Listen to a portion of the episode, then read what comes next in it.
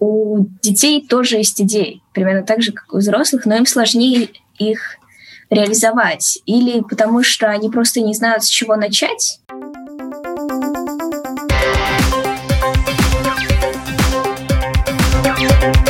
Поколение Z. Здравствуйте, с вами Марина Талапина, режиссер программы Даниэль Йоффе. Спасибо большое, что подписываетесь на нас, смотрите нас и на Ютубе, и также в подкастах слушаете. Как мы э, говорим, нас сейчас можно слушать практически на всех платформах, включая Spotify, Google и Apple Podcast. Ну и, конечно, наш, э, нашу программу можно найти на нашем сайте www.lr4.lv. И сегодня у нас такая необычная тема. В Риге открылся первый в странах Балтии стартап-акселератор для подростков. И если вам уже исполнилось 11 лет, но нет еще 20, вы можете смело принять в нем участие, разработать свой IT-продукт и попытаться продвинуть его на рынке и заработать, может быть, огромную кучу денег.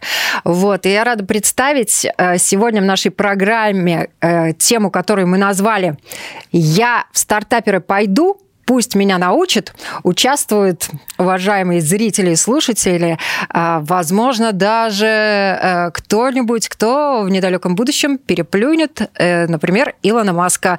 А конкретно у нас сегодня на связи Никита Успенский-Гельвер. Никита, привет. У нас также э, Даниил Айзен – вечер. Ребята учатся э, в старших классах школы, им по 16 лет, а самая молодая наша сегодняшняя участница, ей 13 лет, это Мария Зайцева. Привет, Маша. Добрый день. И также у нас на связи организатор и э, руководитель э, проекта Таня Туманов, глава Fox Hub. Татьяна, привет. Добрый день, да. И, конечно, хочется задать вам вопрос. Набрали, я знаю, уже порядка полторы сотни ребят участвуют в проекте, да? Да, все верно. И немножко еще добавляется, немножко убавляется, потому что мы открыли набор, он был открыт для всех. То есть можно было прийти зарегистрироваться и командой, и командой с учителем от школы, и индивидуально. Ну и, соответственно, те, кто пришли индивидуально, первый этап, они искали команды э, для себя. Мы помогали ребятам знакомиться, объединяться. И те, кто сошлись в команды, создали команды, те перешли на второй этап. У нас сейчас порядка 24-25 команд. И, ну, и понемногу еще приходят люди. Вот сегодня еще одна команда зарегистрировалась, я знаю. И в каждой команде от трех до шести человек. И я так понимаю, что ребята приходят, э, условно, конечно, находят вас через интернет, и они из разных уголков, и не только Латвии. Да, у нас, э, ну, главным образом, конечно, больше всего людей из Риги, но не только из Латвии. Вот э, на первую сессию э, приходил, к примеру, человек из Хабаровска, 15 лет человек. Да, я не знаю, каким образом он нас нашел и как заинтересовался, но это было для нас, конечно, сюрпризом, удивлением, и было очень интересно. Узнали мы об этом только благодаря тому, что он писал, а можно ли сессию, там было 4 сессии на выбор, можно я приду на утреннюю сессию, не та, которая после обеда, потому что у меня 2 часа ночи в момент той сессии, на которой он меня записали. Но, конечно, проект рассчитан главным образом на страны Балтии. У нас есть э, участников больше всего из Риги, есть также Даугавпилс, э, Резикне, Лепе, э, Бабите, ну, в общем, округа. Как раз вот из школ организовано с учителем, главным образом не из Риги пришли люди, и это особенно интересно. Ну и хочется ребятам задать вопрос, как вы вышли на проект такой интересный? Никит, давай начнем с тебя. А, моему папе, на самом деле, отправил его знакомый очень хороший, то, что его сын собирается участвовать а, в как раз-таки этой программе. И я решил, что это очень крутая возможность, и решил присоединиться. На тот момент у меня не было команды. Написал, собственно, что, что во мне есть хорошего в анкете, и присоединился к проекту. Даниил, как ты попал в проект? Э, честно говоря, мне посоветовал один э, хороший знакомый, он мне позвонил, сказал, вот я наткнулся случайно на такой интересный проект, не хочешь ли поучаствовать? В итоге я согласился, и мы вот э, организовали команду, и сейчас работаем вместе над реализацией нашей идеи. Машенька? Моя история чем-то похожа на Никитину. Моим родителям тоже посоветовали данный проект – они рассказали мне, я заинтересовалась. А что, что я... вас да. заинтересовало? Рассказывай сразу. А, просто я в будущем хочу работать дизайнером, и я решила, что это отличная возможность. Ребята, а вас что заинтересовало? Могли бы там родителям сказать, ну да ладно, хорошо, хорошо, уважаемые родители, но так э, у меня школа, у меня учеба, я занят, не могу. А вы сказали нет, ну-ка побо- пойду попробую себя, свои силы, пусть меня научат. Э, ну, меня на самом деле заинтересовало то, что я бы занимался как раз-таки подбором команды, я бы занимался э, тем, чтобы разрабатывать что-то со своей командой, то есть э, развитие навыков работы э, с людьми, также знакомство новое, интересное. И в будущем, в принципе, хотелось бы связать э, себя с наукой и развить свой проект. Для того, чтобы развивать свои идеи, нужно уметь работать с людьми, чему я бы мог научиться как раз-таки в этом проекте. Даниэл, да. да. А, на самом деле я э, в этом проекте в первую очередь ищу э, э, практику, потому что до этого какие-то основы ведения бизнеса, основы там менеджмента, в том числе в IT-сфере, я черпал только из доступных мне книг там на русском, английском языке. А вот увидев объявление об этом проекте, я подумал, что я здесь я смогу как э, применить уже полученные знания, уже полученные навыки, поставить э, на службу технологиям э, и получить какие-то новые знания. Я вот как бы надеюсь, что к концу проекта мои навыки в области менеджмента, в области IT, в области э, бизнеса улучшатся. Ну, я думаю, что твои навыки, которые у тебя уже есть, знание языков, э, ты владеешь тремя языками, правильно? Я думаю, ребята, э, многие да, владеют я, несколькими ну, языками. Да, ну... да, я так более свободно владею тремя языками. Сейчас вот как бы активно учу еще два. То есть, в принципе, можешь уже однозначно помогать э, и по теме продвижения того продукта, над которым будет работать твоя команда. Ну, с, в определенной степени да. Но, конечно, навыков э, пока не хватает. Ничего, я наберусь опыта, наберусь терпения. Рано или поздно у меня все получится. Я думаю, что уже все получится. На самом деле программа интересная, да, в течение 100 дней ребята будут обучаться, прокачиваться, работать над своей идеей. Идеи уже какие-то есть, уже понимаете, знаете, в чем хотите себя проявить, в какой сфере, для кого, аудитория, на которую будут ориентированы ваши IT-продукты. Маш. Ну, мы работаем в одной команде с Никитой, и мы решили создать приложение, э, которое будет помогать людям организовывать спортивные мероприятия. В нем будет собрана информация, советы и подобное. Я могу продолжить. На самом деле хотелось бы сделать упор на более широкую аудиторию. Сейчас мы будем развивать эту идею. Собственно, для этого мы пришли на проект, чтобы знакомиться с людьми, которые смогли бы помочь нам, которые смогли бы организовать, э, организовать нам процесс работы, которые смогли бы дать нам новые знания. Угу. Я так понимаю, что у тебя там птичка, да, помогает тебе рассказывать Попугай, твою да. историю. Замечательно. Я так понимаю, что это группа поддержки однозначно. Она хотела бы что-нибудь добавить, но мы обязательно у нее спросим, когда ты научишь ее говорить. Возможно, тоже будет какой-то IT-проект. Почему бы нет? Как научить попугая разговаривать? такая обучалка для попугаев. Слушайте, я генератор идей. Вы можете, пожалуйста, берите, делайте. А, Даниил, у тебя есть уже, у твоей команды тоже идеи? Да, конечно, у моей команды уже тоже есть свой план, своя идея. Я, э, э, так сказать, э, соблюдая корпоративную этику, я не буду раскрывать особые подробности, скажу, что мы решили уйти в область робототехники. Мы разрабатываем робота, который будет как бы копировать движение, поведение змей или червей или других иных ползучих э, существ. Э, но э, все-таки мы решили сосредоточиться не на копировании движения существ, которые я назвал, а все-таки сосредоточиться именно на функциях этого робота. Мы надеемся сделать наш проект нашего робота максимально многофункциональным, что позволит э, с точки зрения бизнеса расширить э, аудиторию, которая покупательскую. А вот интересно, зачем нужен такой робот, который умеет ползать как змея, а, как червяк умеет в данном случае, В данном случае э, основная, так сказать, фишка нашего робота заключается в том, что он будет состоять из блоков.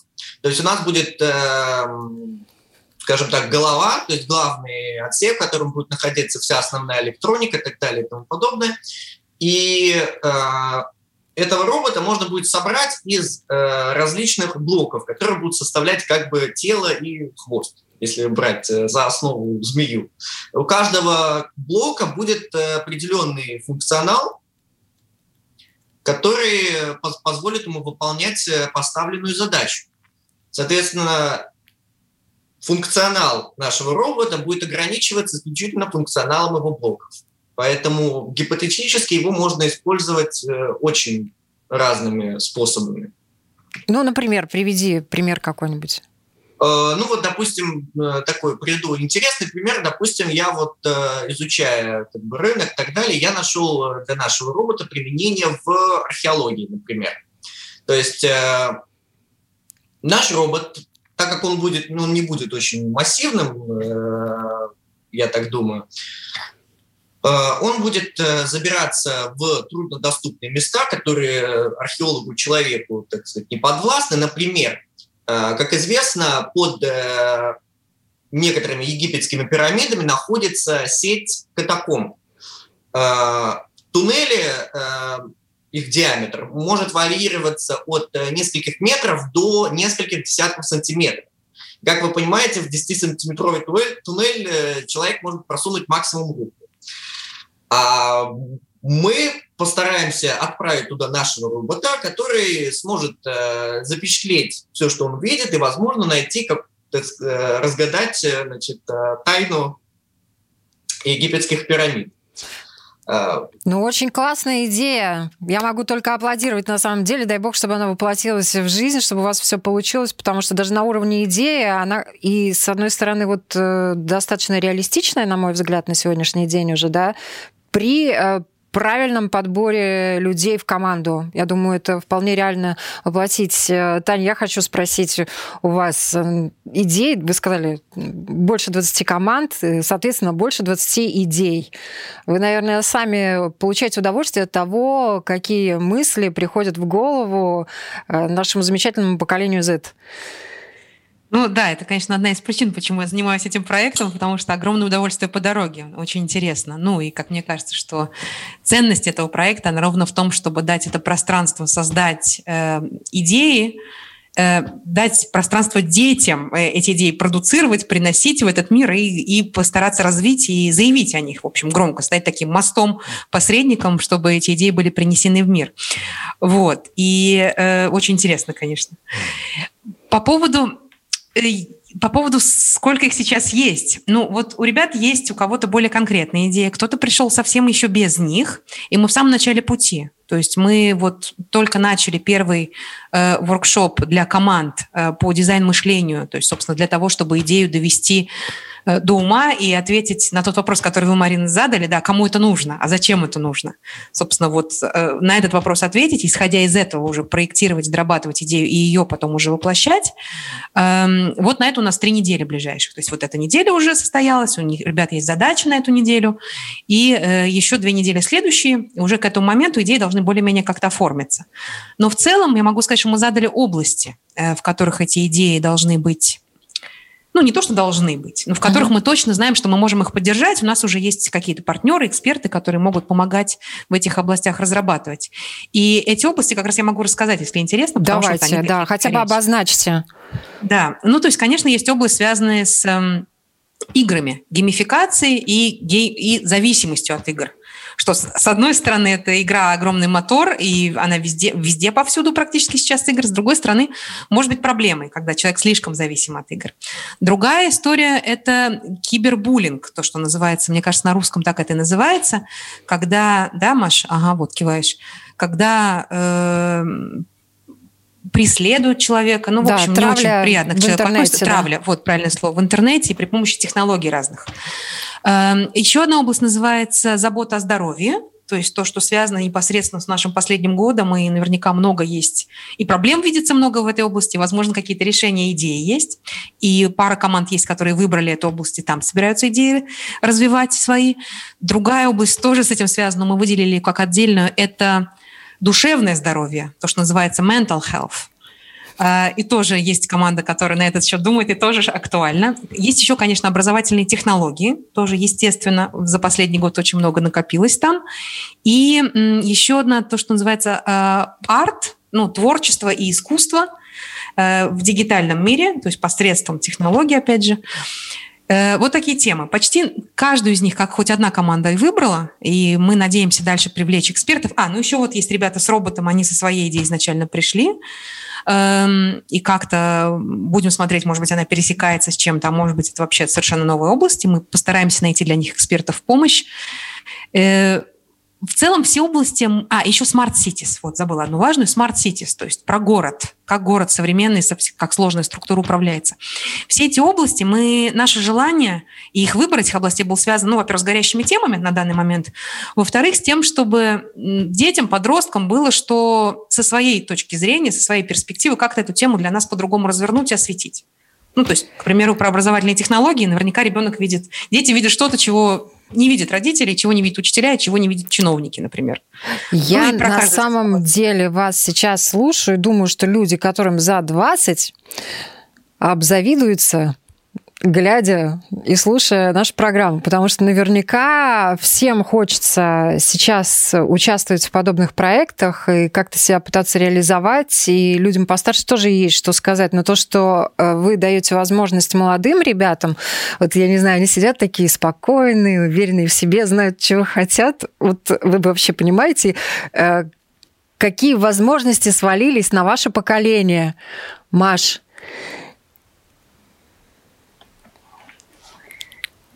Ну, наверное. Это действительно, вот ты рассматриваешь это э, как возможность там даже не столько заработать, сколько вот э, из пункта А прийти в пункт Б, взять идею и попытаться ее воплотить в жизнь. Причем, ну, да. действительно, сейчас у вас в руках те инструменты, которые могут помочь вам выйти с этой идеей, реализовать ее реально на рынке, на огромном рынке. Даниил, давай. Сейчас, э, в 21 веке, у молодежи значительно больше возможностей реализовать какие-то свои идеи, чем, допустим, даже 10, 15, 20 лет назад. И я очень рад, что так распорядилась, э, не знаю кто, Вселенная, там, что я имею возможность э, всеми этими ресурсами воспользоваться и сделать что-то очень интересное и для себя, и помочь кому-то решить э, фундаментальную проблему. Я думаю, я думаю, что такие проекты, они очень нужны, особенно вот э, в странах э, маленьких, как э, Латвия или вот э, Литва или Эстония, потому что, э, на мой взгляд, э, эти страны, они являются э, такими заводами э, умных э, людей, которые потом, э, так как не могут иногда реализовать себя на родине, потом э, уезжают в другие страны. Это плохо. И мне бы хотелось, чтобы и такие маленькие развивающиеся страны тоже имели возможность проявить э, свои интеллектуальные ресурсы. Ну да, я должна полностью э, согласиться, что у нас действительно очень хорошие, качественные ресурсы человеческие. Да, именно поэтому я благодарен организаторам этого, проекта, что у меня есть возможность э, реализовать какие-то свои идеи, применить э, полученные знания, навыки. Машенька готова? Да, честно. Да, мне кажется, я так считаю, что эти проекты, они прям дают огромные возможности детям возраста, потому что э, у детей тоже есть идеи, примерно так же, как у взрослых, но им сложнее их реализовать. Или потому что они просто не знают, с чего начать, или потому что у них нет этого толчка. Я... У меня часто появляются самоидеи, но я обычно о них думаю так вот, повзрослею там, может, воплощу, может, не воплощу. А такие проекты, как э, э, Fox Hub, они, они являются тем самым толчком, который необходимы людям любого возраста, чтобы просто проявить себя, хотя бы начать. Это действительно здорово. Тут э, не дать не взять, тем более, что ну, это реальный проект, да, который вот можно взять, и вы будете искать также инвесторов. Правильно я понимаю, Таня, да? Ну, в будущем. Бесспорно. Если так смотреть, то это, то это финальная часть нашего проекта. Э, на самом деле, если так разделять, то можно разделить на части, которые инкубатор, и первая часть, вот 100 дней, скорее, это инкубатор идей, прототипы создаются, происходит тестирование. Э, и в будущем, э, и, всего лишь последняя часть его посвящена какому-то планированию следующих шагов и возможным поискам инвестора. То есть вот доведение до той формы, когда можно заходить на первый круг поиска инвесторов. Мы надеемся, что хотя бы несколько проектов вот из тех 25, что начинают у нас в данный момент, э, если будет несколько, которые вот дойдут до той формы, в которой готовы будут инвесторы войти, вложиться и поспособствовать тому, чтобы проекты росли дальше, мы будем очень довольны в целом, потому что, ну, первый поток, пилотный, мы шаг за шагом нащупываем дорогу. И, ну, и, в общем, на будущем есть такой план, возможно, мы сделаем второй раунд – уже, например, э, то есть наши планы не разового проекта, а следующий год тоже это делать, и, возможно, как бы лучшие проекты потом пойдут на второй раунд, где уже мы будем помогать непосредственно с бизнес-частью больше. То есть вот эта первая часть сейчас, которая 100 дней, она больше про IT-продукт, то есть про навыки программирования, вот подсобрать именно сам проект, э, выкристаллизовать, ай, не уверена, что правильно говорю слово, в общем, идею, идею вытащить из всего этого, подсобрать, сфокусироваться на чем-то. Но ну, а еще... про деньги это чуть позже. Ну, да. К- конечно, тут э, идея, оформить идею, да? Да, да, ну и проверить ее. Да, и проверить. И э, помогут в этом, естественно, взрослые люди, да, прокачку ребята будут получать от менторов. Вот, может быть, пару слов о том, э, кто будет работать с ребятами? Да, ну, во-первых, может быть, я тогда дам общую рамку, что проект некоммерческий, и замечательно, что он существует при поддержке разных организаций. Одна из них – это Международная школа Экзюпери, она помогает самими э, местам, если мы физически когда-то встретимся, то там. И Елена Буянова, как главный инвестор этой школы, тоже помогает и поддерживает этот проект, и она будет в экспертном совете отбирать проекты и как-то помогать. Еще есть э, стартап-акселератор для взрослых Wise, э, Wise Guys – есть такие в Риге и в странах Балтии, и они помогают нам тоже экспертами лекциями. Есть еще Tech Hub, Coworking и тоже сообщество айтишной Латвии. Они тоже нам помогают. Университет Тарту, школа образовательных технологий, выступают экспертами в этой области и помогают нам экспертизой. И еще у нас есть группа, группа экспертов, которые взрослые люди, работающие в IT, на, и не только на волонтерских совершенно основаниях э, пришли и сказали, что вот они готовы присоединиться и помогать. И кто-то из них специалисты в разработке игр, Э, кто-то из них в области как раз заботы о э, душевном здоровье, э, кто-то просто понимает, как устроена разработка IT-продукта и готовы помочь с этим участникам. Структура такая, что часть команд приходит с учителями, другие получают своих тьютеров от нас. И тьютеры с ними находятся на связи. Еще этого не произошло, потому что мы в самом начале, и они вступают в определенный момент через неделю, через 2-3 после начала. Тьютеры будут на связи с ребятами, каждая команда получает своего одного, который помогает им организовать работу. А, и сами команды, у них есть название на этом этапе и капитаны, тим-лиды, да, те, те, лидер команды. Э, тоже это внутренняя организация и тьютеры, которые помогают э, с этой организацией тоже ее как-то вести. А дальше вот эти тьютеры помогают им организоваться, то есть при необходимости отправляют к нужному эксперту. То есть в какой-то момент это может быть специалист по играм, а в какой-то момент, например, по душевному здоровью, если ребята делают игру про душевное здоровье. Э, тьютеры помогают это все процесс сложить, так, чтобы он был логичный, простроенный и максимально эффективный. Ну и, наверное, вы всегда можете обратиться к вашим родителям. А что ваши родители говорят вообще и об этом проекте, и Конечно, Маша и Никите, например, родители сами сказали, идите попробуйте, но тем не менее, вот их мысли, наверняка вы Мне о чем-то с ними тоже говорили, советовались. Никит. Ну, на самом деле это была в основном моя инициатива. Получается так, что мне очень важно работать а, на человечество, на то, чтобы мы развивались, продолжали развиваться, не останавливались на том этапе, на котором мы сейчас находимся. Ведь не зря все происходило до нас, и то, на каком этапе находимся, это как раз-таки отправной пункт, скорее, возможно, и, скорее всего, по моему мнению, а, каких-то новых моральных ценностей, каких-то новых идей и способов их воплощения. Собственно, я хотел бы на этом проекте э, научиться, научиться контактировать, научиться э, работать в команде, возможно, собрать гонорар начальный для создания чего-то большого. Э, и я горю этой идеей на самом деле, и то, что у меня появилась такая возможность, э, меня очень порадовало, вот я и присоединился. Маш, что твои родители говорят об этом проекте? Они готовы тебя поддержать? Они очень готовы меня поддержать. Они э, им лично очень нравится и, этот проект и его идея, и они меня не то что э, сказали идеи, они мне предложили, я пошла сама. Ну, бесспорно, да. Но вот э, интересно отношение взрослых. Э, э, естественно, ну, это ваши родители, наверняка они готовы вас поддержать во многих начинаниях. Э, просто если они вдруг что-то сказали, я думаю, что это будет интересно послушать.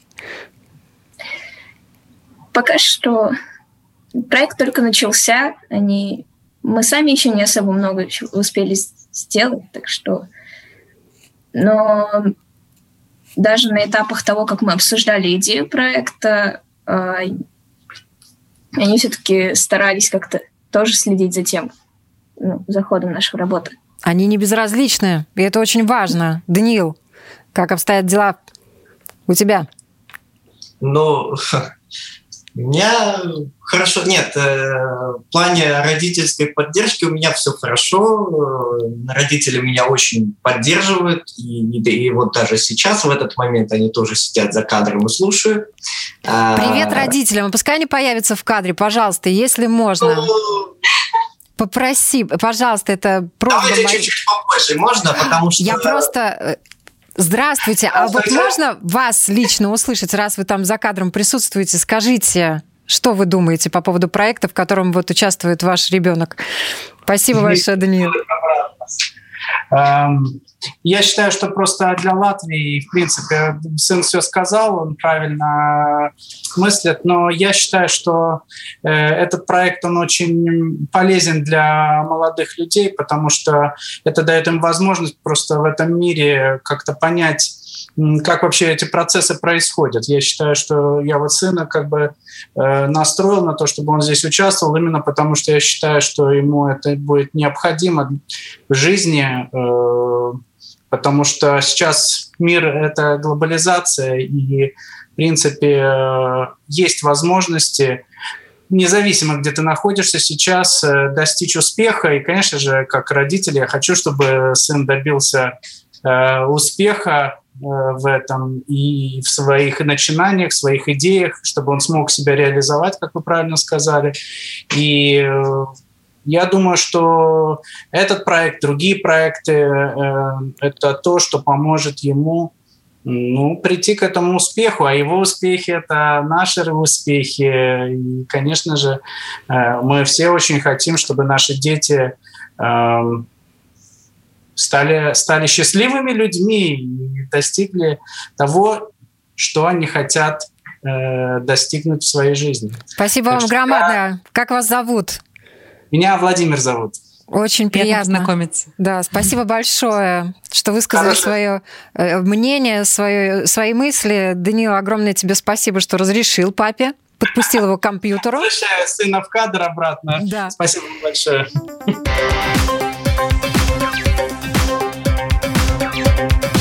Поколение Z.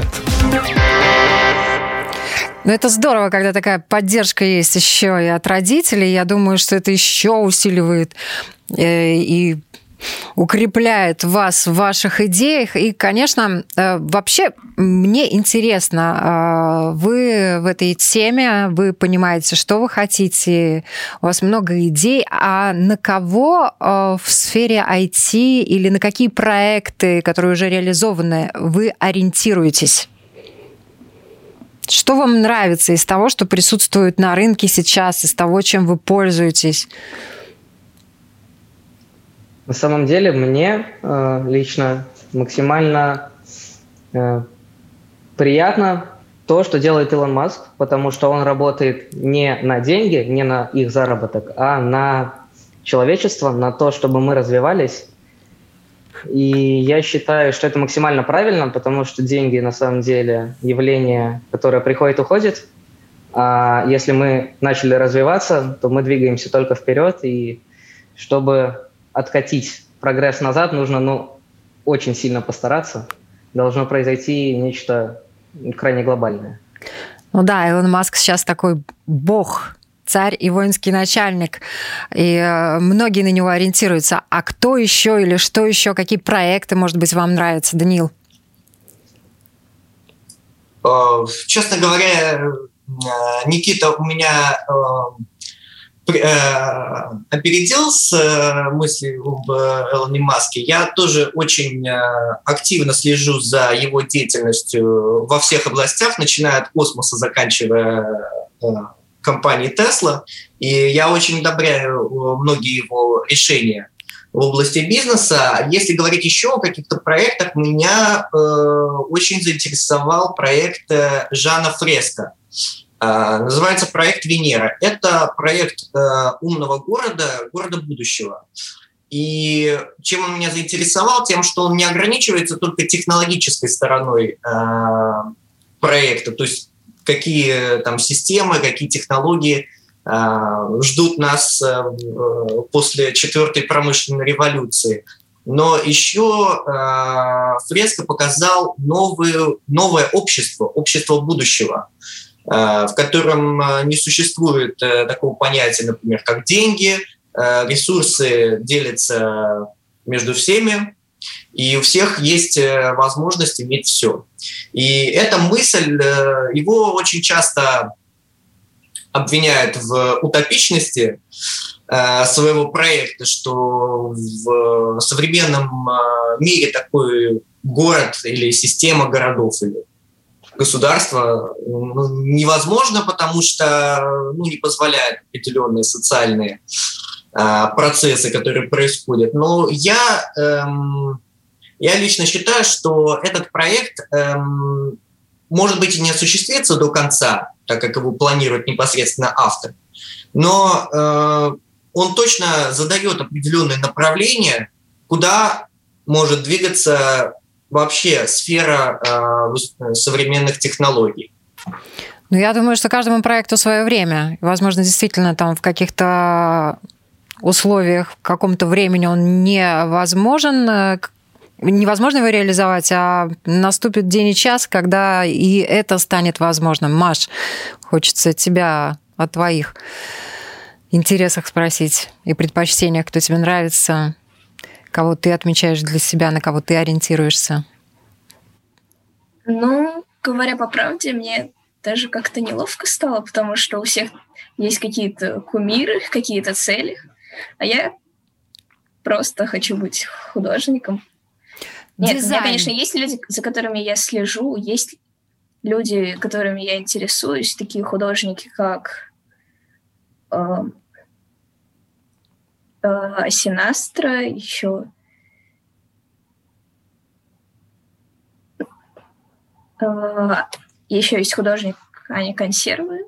У них очень интересные работы. Они больше как художники, но это просто люди, за которыми я слежу. Не то, чтобы у них были какие-то великие проекты, или что-то подобное. Ну, я думаю, что ты как дизайнер, если ты себя в этой сфере хочешь реализовывать, это абсолютно нормально, что следишь за художниками, и если ты для себя кого-то открыла, пускай он даже не всемирно известный, не кумир, то наоборот это говорит о том, что у тебя есть вкус, и э, у тебя есть свое видение, и своя линия, может быть, ты назвала эти имена, и кто-то сейчас, э, глядя и слушая нашу программу, зайдет в интернет, начнет искать этих художников, и они станут еще более популярны, и тоже помогут кому-то, подарят какую-то идею в дизайне.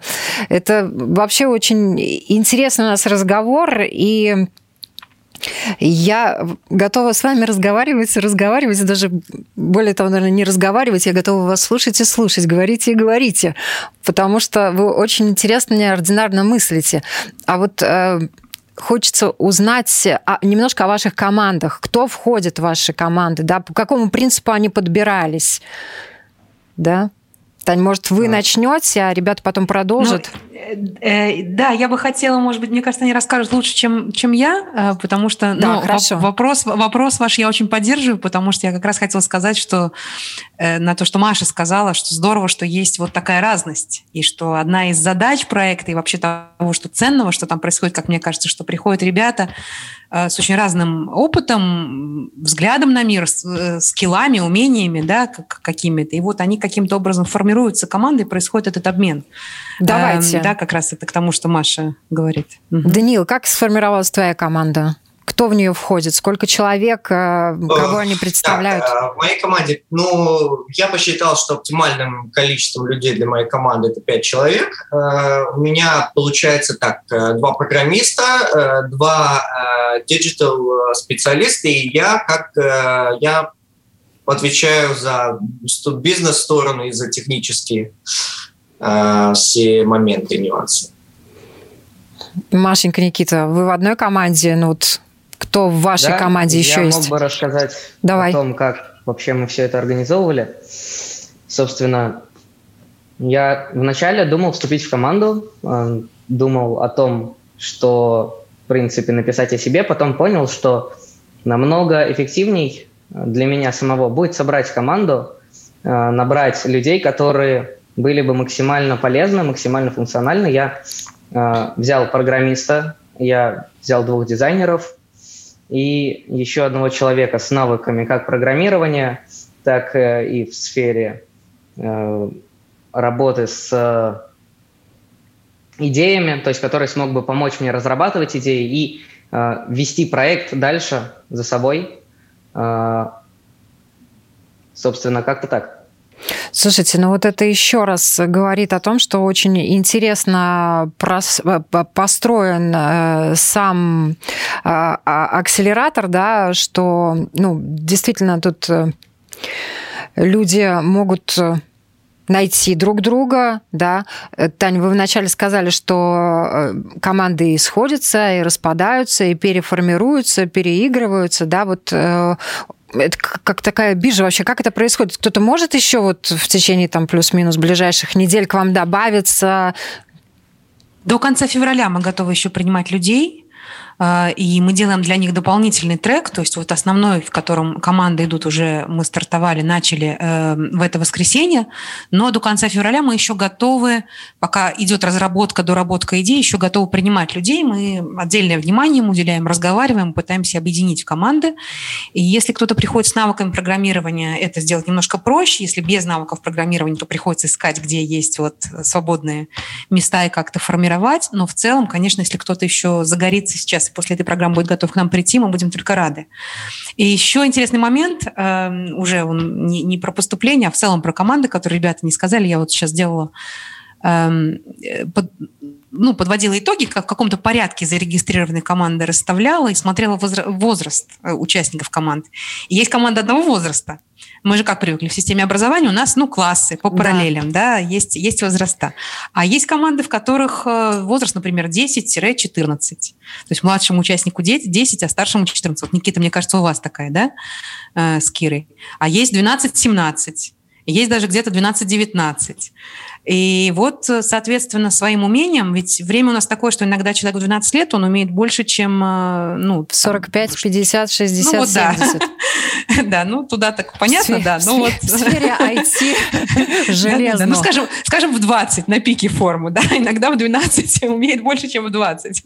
И вот это вот очень интересное время мы живем, действительно, когда э, вот эти возрастные границы стираются, и приходит человек, он много чего умеет в свои 12-13 лет, и он является ценным кадром для команды 17-летних, например. Слушайте, мне интересно, ребята, а что вас вот реально в скиллах, в возможностях, эм, вы сейчас с ребятами тоже общаете, удивило, поразило, и вы понимаете, что вы тоже хотели прокачаться по какой-то теме, в какой-то сфере, что вам знания нужны?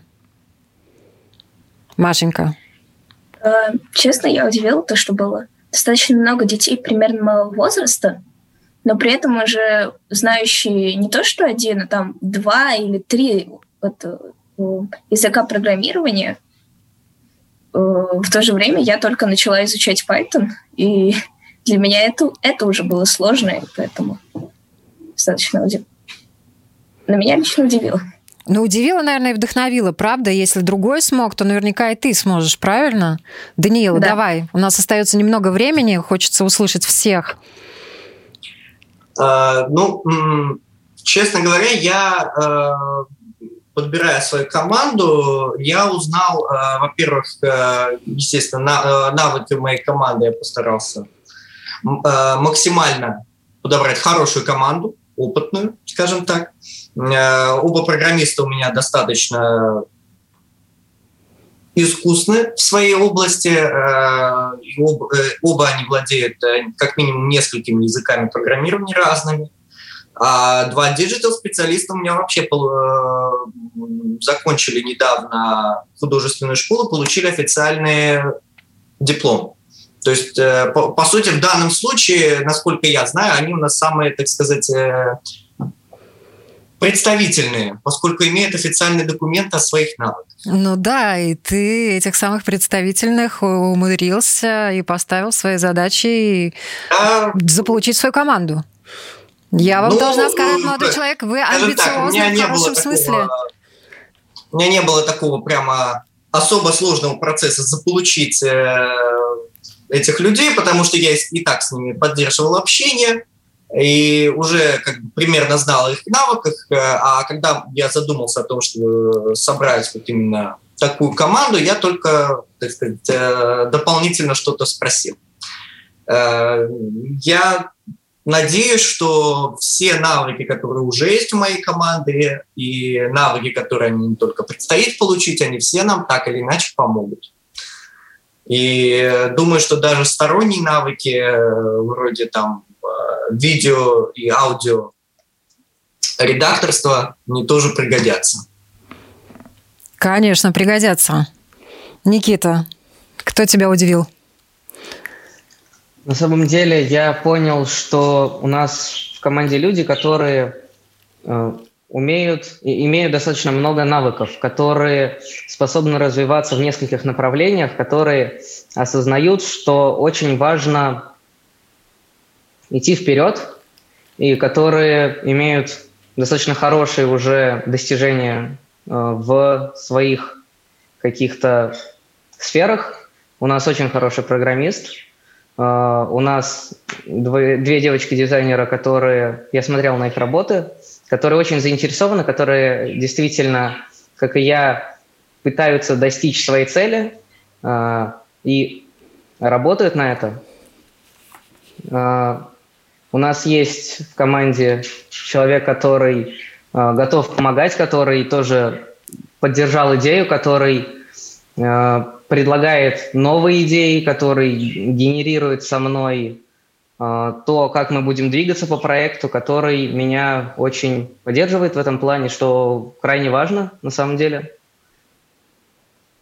Но вам еще, конечно, предстоит э, узнать друг друга получше, и работа команды, и встреча начало и процесс это немножко разные вещи, да. Я хочу пожелать вам успехов, э, и нам предлагаю встретиться через 100 дней уже по э, завершению вашего проекта с лучшими ребятами, чьи идеи будут действительно оформлены, сформированы, которые захотят прийти и рассказать нам о них, потому что это очень интересно. Неважно, сколько вам лет, создавайте свои команды. И, как э, сказал всеми почитаемый Илон Маск, э, делайте хорошие продукты, и деньги придут к вам. Всем хорошего дня!